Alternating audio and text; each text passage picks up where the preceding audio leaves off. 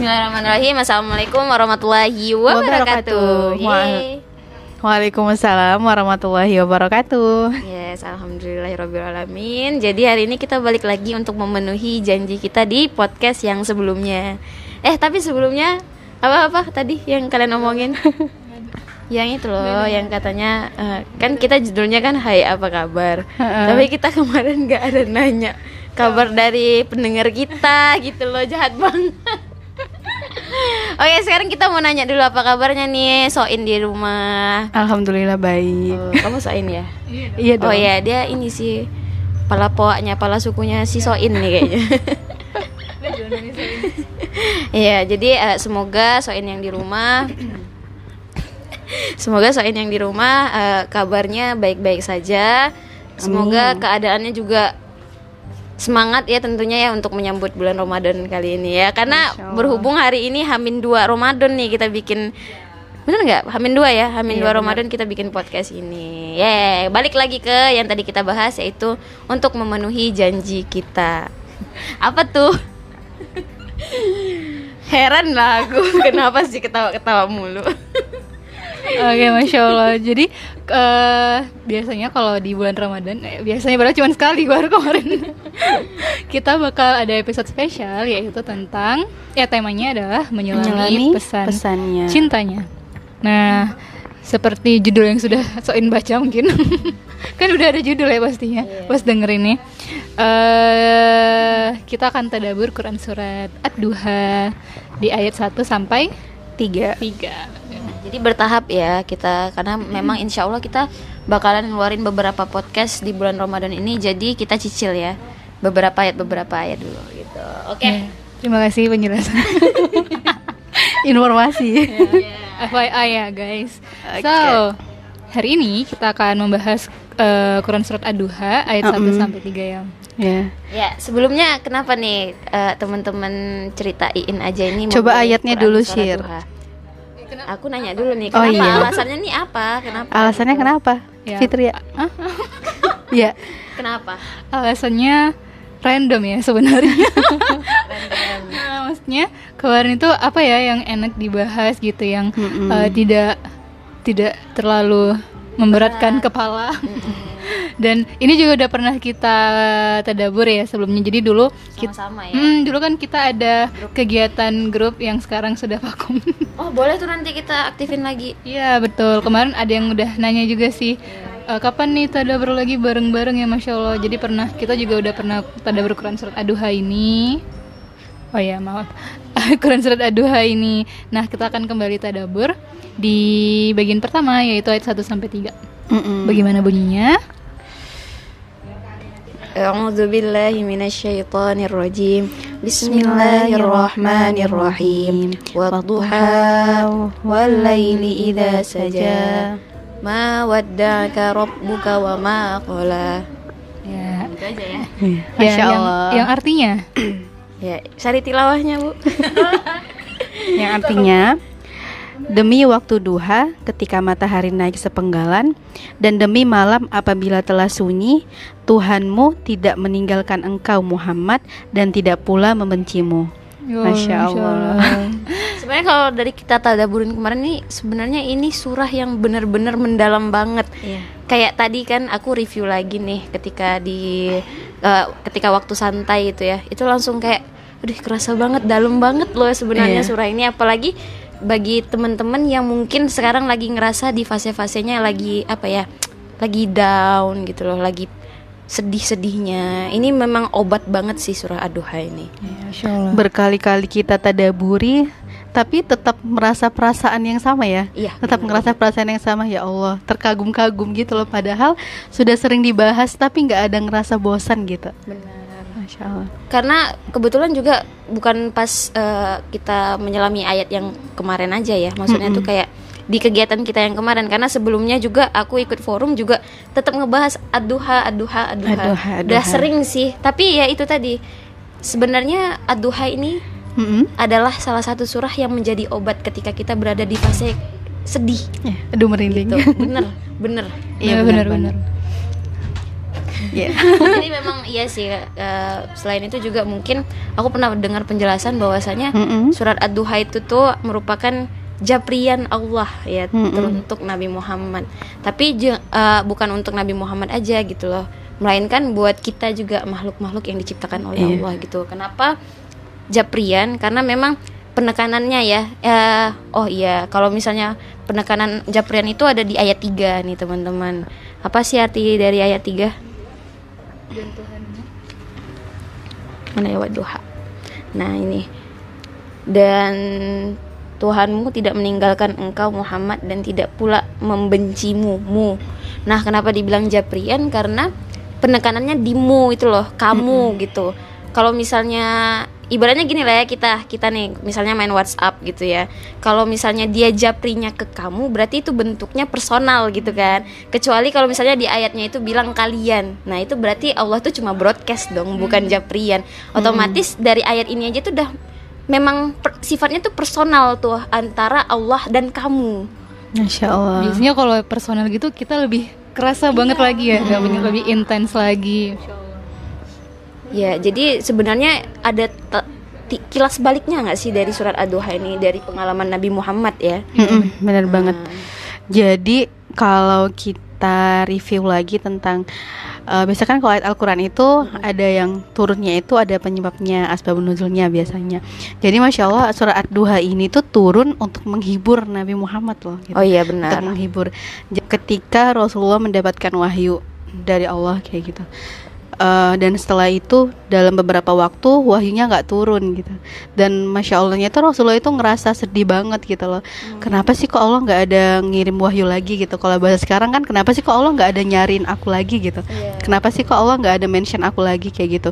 Dan masya Allah tuh Rasulullah itu bolak balik loh. Bolak balik dari rumahnya ke gua Hiro untuk untuk menunggu wahyu tadi. Bolak balik kayak gitu. Dan kalau kita telaah lagi dari rumahnya Rasulullah ke gua Hira itu jaraknya masya Allah itu sekitar 5 sampai 6 km Dan itu Rasulullah jalan kaki. dan jalan kaki dong zaman dulu kan nggak ada sepeda nggak ada Iya. motor kayak Adanya gitu doang. Gitu. dan melewati melewati lebih kurang lima bukit gitu kan bayangin gak sih bolak baliknya masya allahnya itu ya untuk mengejar suatu kebaikan kayak gitu Ya, zaman Dan- sekarang masjid sedekat apa pun Enggak. pakai motor. iya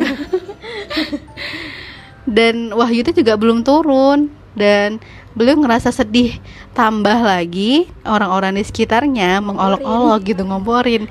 Wah sudah nggak itu ya apa udah nggak sudah ditinggalkan ya sama Tuhannya kayak gitu.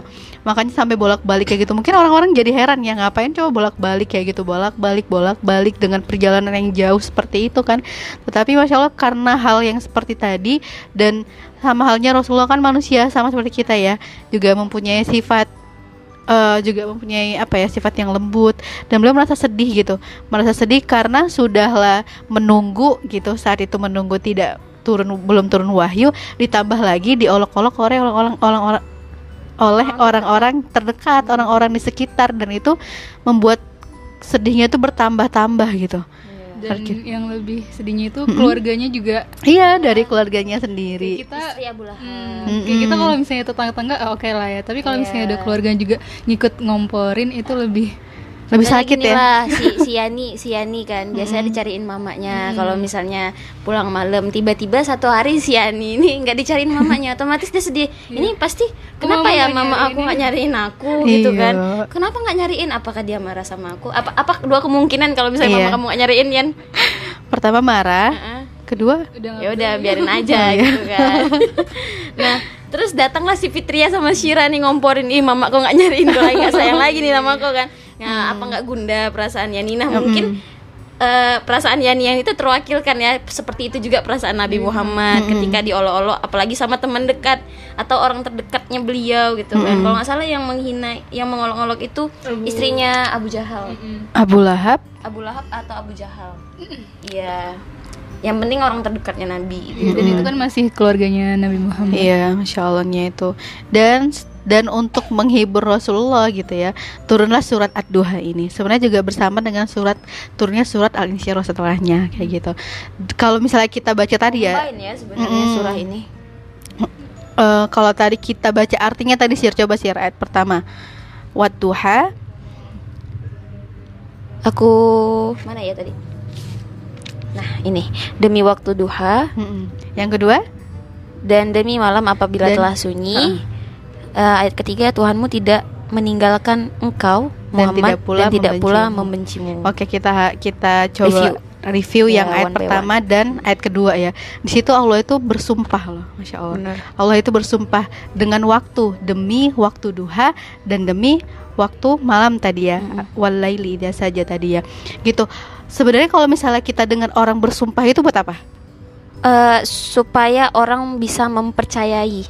bener-bener serius gitu Bener-bener kayak Serius yakin gitu ya. Nekanin gitu loh, nekanin. ini bener-bener loh Iya. Ah, misalnya kita mau bohong pakai sumpah pun orang percaya. Percaya kayak gitu ya. Padahal sebenarnya Allah tanpa bersumpah pun ya kita Iya. percaya-percaya aja ya. Cuma mungkin di sini Allah tuh cuma pengen nekanin aja nggak sih kepada kita. Mm-mm, bener banget. Sampai aku tuh harus bersumpah loh para ah, maksudnya tuh aku tuh harus eh, sam- sampai bersumpah ini untuk menyatakan kalau benar-benar aku itu pengen menunjukkan kalau aku benar-benar ya itu tadi benar-benar apa namanya benar-benar eh jangan nyanyi dong ya benar-benar ada penekanan lah gitu Iya benar. Manusia aja yang ketika dia ngomong lalu dia bersumpah, kita kayak percaya oh dia udah sumpah nih, pasti dia benar gitu. Apalagi Allah gitu ya, yang tadi Syira bilang Allah itu nggak perlu bersumpah aja ya pasti benar. Semuanya Allah katakan itu ya pasti benar. Apalagi dengan bersumpah, yang berarti ada penekanan di sana loh. berarti Allah seserius itu Iya, masya Allah seserius itu tuh sama kita, maksudnya menghiburnya tuh seserius itu kayak gitu. seperti personal chat itu iya benar thanks Dan di hari pertama kedua itu kan menggambarkan waktu duha. Kalau kita bayangin waktu duha itu apa yang dirasakan teman-teman? Ya waktu duha itu ya kalau misalnya kita lihat ru- runtutan apa ya jam ya mungkin dari abis subuh ya Eh, me- menjelang ya Heeh. sepenggal matahari sampai jam-jam sebelasan lah ya kayaknya ya. Nah itu mungkin memang menggambarkan kayak penuh cahaya gitu kan gimana Syahdu. Mm-mm, Syahdu ya. Coba kalau jam- matahari baru baru Mm-mm. baru naik naiknya Jam setengah delapan itu keluar atau jam tujuan gitu Iya, sejuk Allah, gitu sejuk, ya, masya Allah, tentram, tentram damai. kayak gitu. Dan di waktu malam, sama mungkin enggak sih kalau anak sekarang waktu malam dipakai buat overthinking ah itu Oke. dia ya masya Allah. Jadi tuh kalau di dalam dalam waktu ini Allah tuh bersumpah menggambarkan dua waktu ya, waktu duha dan waktu malam. Tadi kan waktu Ayat duha, ayat dua ya Iya, ayat pertama dan ayat kedua. Waktu duha tadi dikatakan waktu yang sangat tentram, yang Iya. sangat menyejukkan, yang sangat Hmm. adem kayak gitu ya. Nah, di waktu malam itu kan kita menggambarkan malam itu gelap ya. Gelap. Kalau seandainya tidak ada cahaya, gelap banget. Ya kan? bahkan kita, mau berjalan aja susah ya gitu, susah, nggak ada meraba-raba. gitu, nggak ada, nggak bisa berarang ya.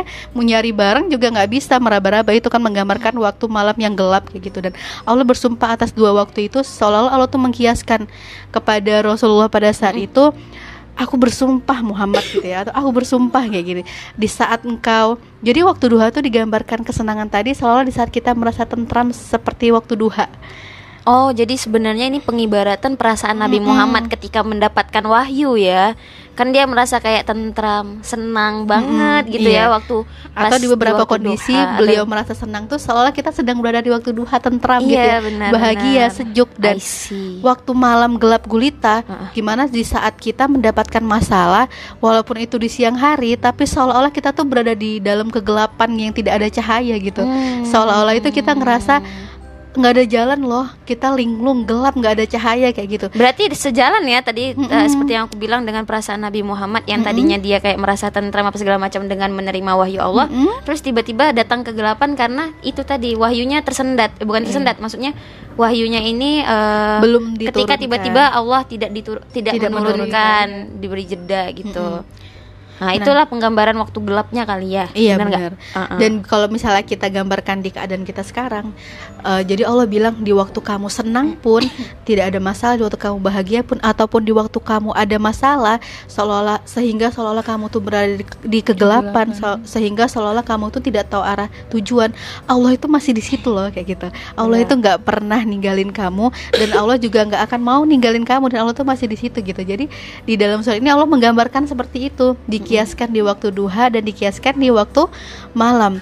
Demi waktu di saat engkau bersedih atau di saat engkau bahagia, aku masih ada di sini. Kayak Berarti gitu. benar-benar dua hal ini sangat diistimewakan ya karena Mm-mm. eh, ibaratnya menjadi sumpahnya Allah ya Iya, benar banget. hanya ini kan co- contohnya di surat lain so- seperti eh, atin Mm-mm. watin zaitun nah Mm-mm. seperti berarti hal-hal yang seperti itu diangkat sama Allah Iya, atau diistimewakan Iya, ya benar termasuk banget. waktu duha sama waktu malam. iya benar benar sih ya kan kenapa Allah. kayak kita juga ada sholat duha ada sholat malam gitu ya Iya. ternyata memang dua waktu ini ya itu tadi ikut berperan gitu Jadi bagaimana perasaannya setelah mendengarkan insight tadi?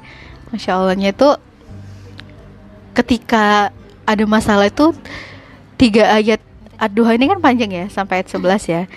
Tiga ayat ini aja sudah mengobati nggak sih separuh kesedihan kita kayak ya ampun di saat mungkin di saat kita senang itu kita sama makhluknya Allah misalnya ya. Ya kan di saat kita senang kita sama makhluknya Allah di saat kita sedih kadang kita ngerasa nggak punya siapa-siapa gitu. Benar. ya kan suka gitu ya namanya manusia di saat senang lupa kalau ada Allah di saat sedih ngerasa kok aku nggak punya siapa-siapa? Karena yang difikirkan manusia di sekitarnya.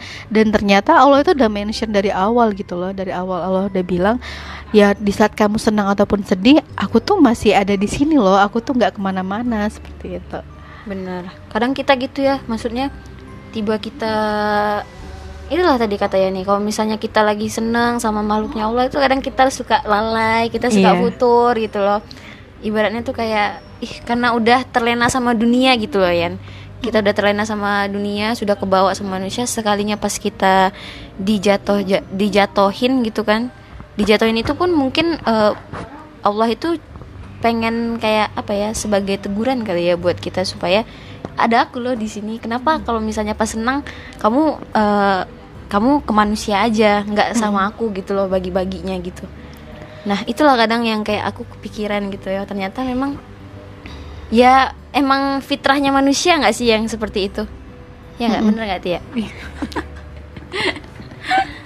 Tuh, aku pernah baca yang eh, bahwa hati itu nggak bisa ada dua raja di dalamnya. Iya.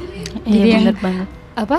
Yang kayak tadi Syira bilang kalau misalnya kita udah di makhluk Allah kita tuh pasti jadi sering futur ya sering lupa ya sama Allah ya. Karena berarti rajanya di hati kita ya makhluk makhluknya Allah iya gitu. bener banget. Bukan si penciptanya. iya Makanya ketika kita dekat sama Allah maupun di saat kita senang kita tidak akan terlalaikan.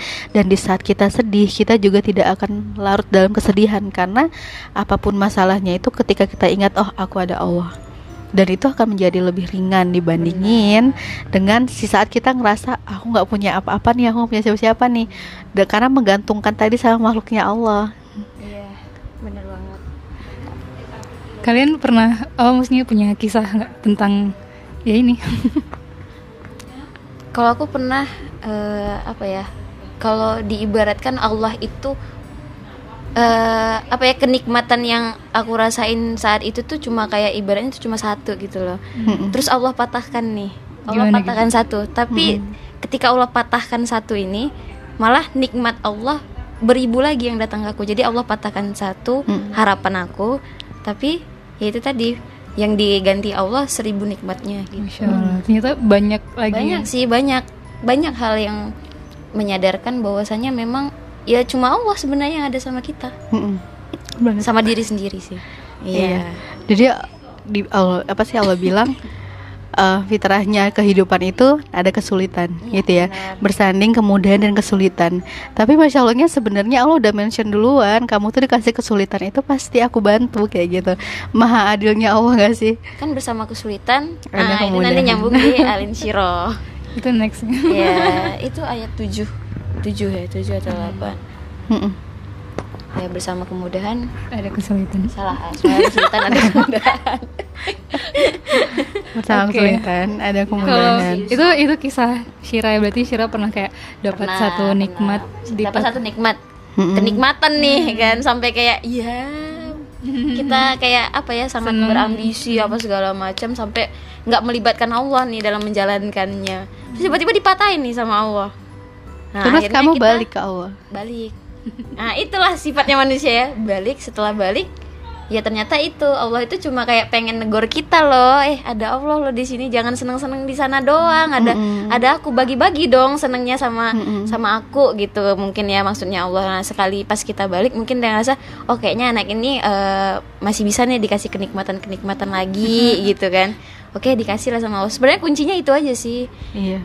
kunci ya Tapi berarti Syira itu termasuk orang yang beruntung. oh iya Karena ada loh orang yang Allah kasih kenikmatan, lalu dia jauh sama Allah, tapi Allah kasih terus. Ah, sampai dia makin jauh, sih makin jauh, biasanya. dan sehingga sampai di akhir ayatnya pun dia nggak balik ke Allah kayak gitu. itu pernah kita bahas nggak sih Mm-mm. maksudnya yang eh, apa kalau misalnya hati sudah tertutup dengan keburukan tinta-tintanya lagi tuh mau masuk cahaya pun mau masuk susah gitu. presentasi kita dulu satu kelas. Iya bener itu. Presentasi kita satu kelas dulu ya. Sampai nangis-nangis sama Pak Salim. Itu kita kayak kajian. Bukan ilmiah. Insya Allah pas kita ada selesai pada nangis. Nggak sih? Insya Allah. Tapi terakhirnya lucu. Bapaknya bilang ini bukan kajian. Insya Allah. Tapi ya bener itu ya Itu berarti kisahnya Shira. Kalau Yani ada nggak kayak kisah at- Eh cerita? Perjalanan. Enggak, aduh aku nggak bisa langsung nyambung gitu. Kalau aku alhamdulillah ada. Iya, pasti Kayak, dong. aku rasa setiap orang ada. Iya, setiap orang ada. Kan kita mau ceritain aja. Nggak spesifik ya. Iya. Nggak masalah. Gimana Yan Iya kayak gitu. ya sama sih yang kayak Syira bilang tadi gitu. Tapi tuh kadang tuh suka malunya gini loh ketika misalnya kayak lagi sibuk dengan urusan dunia. Terus kan pas jadinya beberapa hal yang jadinya terlalaikan misalnya hal yang udah rutin dilakukan jadinya nggak dilakukan kayak gitu. Itu ngerasa hati tuh kan kayak kosong hampa. Terus jadi kayak nggak ngelakuin aktivitas itu jadi itu nggak sih? Jadi kok ada yang kurang padahal udah dikerjain kayak gitu.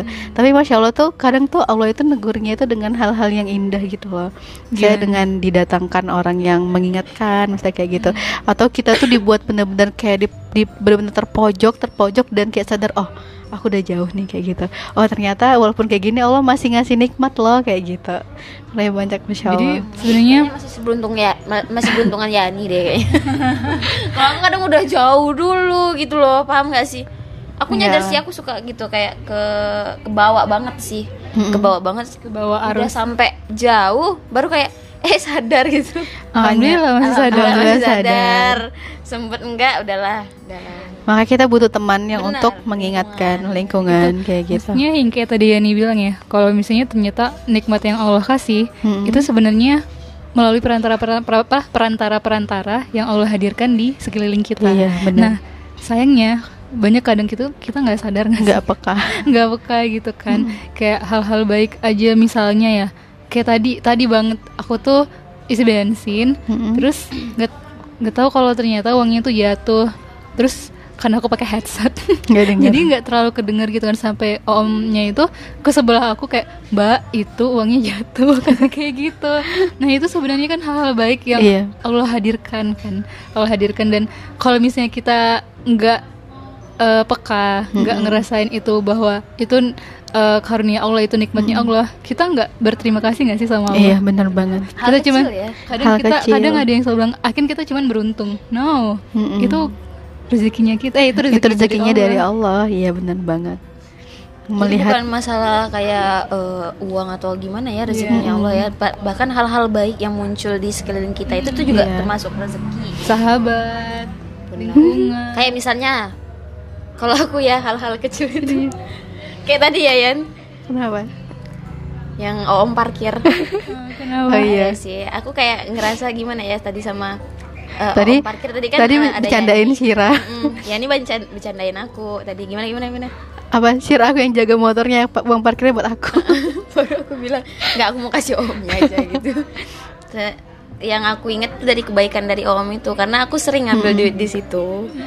Tapi Yang ngambil- maksudnya ngambil kan otomatis kan pecahannya gede kan jadi kadang mau bayar itu nggak ada uang kecil. Tapi omnya bilang udahlah nggak apa-apa De- Oh. dengan dengan apa namanya tuh dengan raut wajahnya yang bener-bener ikhlas gitu loh. Jadi kayak yang "Ih, masya allah ya. Ibaratnya kan beberapa tempat tuh kalau misalnya kayak gitu kan langsung yang kayak merengut gitu kan mukanya kan. Nah kalau ini kayak Dikejar. bener-bener ikhlas banget mukanya tuh. Dan itu sering. Memang si siratin nih gitu loh maksudnya. Sengaja kan gue enggak sih enggak enggak. Tapi maksudnya dari hal-hal kecil kayak gitu tuh kayak ya Allah masih ada loh orang yang kayak gini. Ikhlasnya tuh sampai yang kayak gitu. Padahal ibaratnya itu kan pekerjaan mereka kan. Pekerjaan mereka. Kalau misalnya mereka uang seribu itu bukan kecil eh bukan besar loh eh iya bukan hal yang kecil bagi mereka. Bahkan itu ibaratnya bisa kayak Iya, tanpa uang seribu itu ya itu bisa kayak bisa. bertahan mereka hidup gitu kan. Nah itulah kayak ih, masya allah kali gitu kan. Keinget terus tuh oh om parkir itu ya maksudnya kebaikannya bukan bapak sih Gak apa-apa sih. banyak sih kebaikan-kebaikan yang nggak terduga yang tiba-tiba datang dalam hidup Iya, kita betul betul. Jadi Dan kita harus peka ya. dulu, dulu aku pe aku aku bilang dalam hati aku aku pengen Al-Quran yang kayak Yani. Terus tiba-tiba Iya. dia datang ngasih aku Quran. Itu tanpa diminta aku tanpa ngomong sama orang tiba-tiba dikasih gitu. Kan dari hal-hal kecil aja. Kayak di minimarket aku kan suka nih lihat pena-pena yang unyu-unyu kan. Kalau aku kalau misalnya di dimasukin ke mall ah tunjuklah toko yang banyak pena. Itu pasti aku yang bakalan tergoda banget gitu loh. Kalau mi- daripada baju daripada apa gitu kan cuma pengen beli pena itu tapi aku nggak ada duit waktu itu di market. Pas pula mama aku tuh nyuruh kayak beli uangnya pas-pasan gitu kan. Terus tiba-tiba datang om aku di belakang kok nak pena? Ah ah, nak aku bilang gitu kan. Ambil lah ambil lah puas-puas. Aku ambil lima waktu itu. cuma kan eh, maksudnya secara nggak langsung Allah itu kayak bersama kita kan. Walaupun Iya. cuma pena loh ibaratnya kan. Kalau orang peka dan sadar itu ya tadi kayak kata Fitri ya oh itu ternyata kebaikan rezeki yang Allah kasih ke kita gitu loh. Kalau misalnya nggak peka ya udah ah, cuma pena apa segala macam. Aku aku jadi inget kemarin tuh ada yang japri aku kan. Dia tuh bilang gini eh dia tuh nanya kayak gini kak kalau misalnya apa yang kita doa itu selalu terkabul itu kayak gimana? Katanya kayak gitu kan. Hmm, Jadi tadi doanya dikabulin terus. Iya. Lu kita ingat nggak sih kita pernah bahas? apa? Jadi ya tolak ukurnya kalau aku pribadi ketika doa kamu dikabulkan atau ketika kamu dapat nikmat yang banyak, tolak ukurnya coba lihat kamu semakin dekat sama Allah apa enggak. Nah, Hmm, itu Iya. tadabbur kita yang al-fatihah. Iya Al-Fatihah kayak gitu. Jadi tuh bisa aja Allah tuh kasih nikmat. Ya Allah kan maha pengasih Allah kasih aja gitu. Siapa tahu dia berdoa tapi dia juga berusaha gitu loh Ya karena dia Iya. berusaha ya Allah kasih sesuai dengan apa yang dia usahakan Tapi belum tentu Allah sayang kayak gitu kan nah, ki- Maka kita tolak ukurnya seperti itu Apakah kemudian nikmat yang Allah kasih itu mendekatkan diri kita sama Allah Atau kemudian makin membuat kita jauh dari Karena Allah bicara kayak sayang gitu. Allah juga sayang semuanya ya Iya, semua semuanya Allah makhluk. kasih. ya termasuk orang yang tidak menyembah Iya, tidak menyembah Allah Ya, pun Allah gitu kasih kan. kayak gitu kan. Uh-uh. tapi nggak semuanya yang dikasih Iya. Oke. Oke. Oke, jadi sebenarnya eh, nikmat nikmat nikmat yang Allah hadirkan di kehidupan kita Mm-mm. itu sebenarnya juga sebagai bukti bahwa Allah itu nggak pernah ninggalin kita. bener banget. Intinya gitu ya. Jadi apa pun Baiknya apa pun kondisi kita, Allah itu tidak pernah meninggalkan kita. coba peka sama Iya. sekeliling kita bisa jadi eh, Allah itu me- me- me- memberikan mengantarkan Heeh. banyak perantara yang kita itu sebenarnya nggak sadar. Iya. Oke, jadi eh, apa? ya intinya itu Allah selalu bersama kita dalam Allah. kondisi apa pun dalam kondisi kita sedang bersedih kita sedang senang nah Allah tuh selalu bersama kita dan penekanannya lagi bahwasanya setiap ada ya lah bener lah setiap maksudnya dengan mendatangkan kesulitan Allah itu juga menyiapkan kemudahan jadi itu kayak satu paket komplit ada Mm-mm. ada ibaratnya kita dikasih sakit ada obatnya ada penawarnya gitu Mm. Insya Allah. Oke.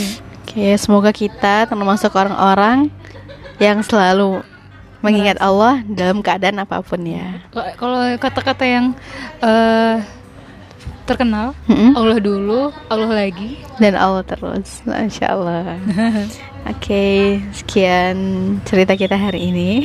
Gantian Fitri. Semoga bermanfaat bagi pendengar-pendengar kita dan insya Allah kita akan lanjut lagi ya next eh, tadabur surah Ad-Duha. surah Ad-Duha ayat 4 Ayat berikutnya. sampai ya sampai yang Sampai 11. ditetapkan, ya benar-benar Oke, terima kasih sahabat IN yang sudah mendengar sampai akhir podcast kali ini dan sampai, Sampai jumpa di cerita-cerita selanjutnya. Yeay. Assalamualaikum warahmatullahi wabarakatuh. Warahmatullahi Warahmatullahi wabarakatuh.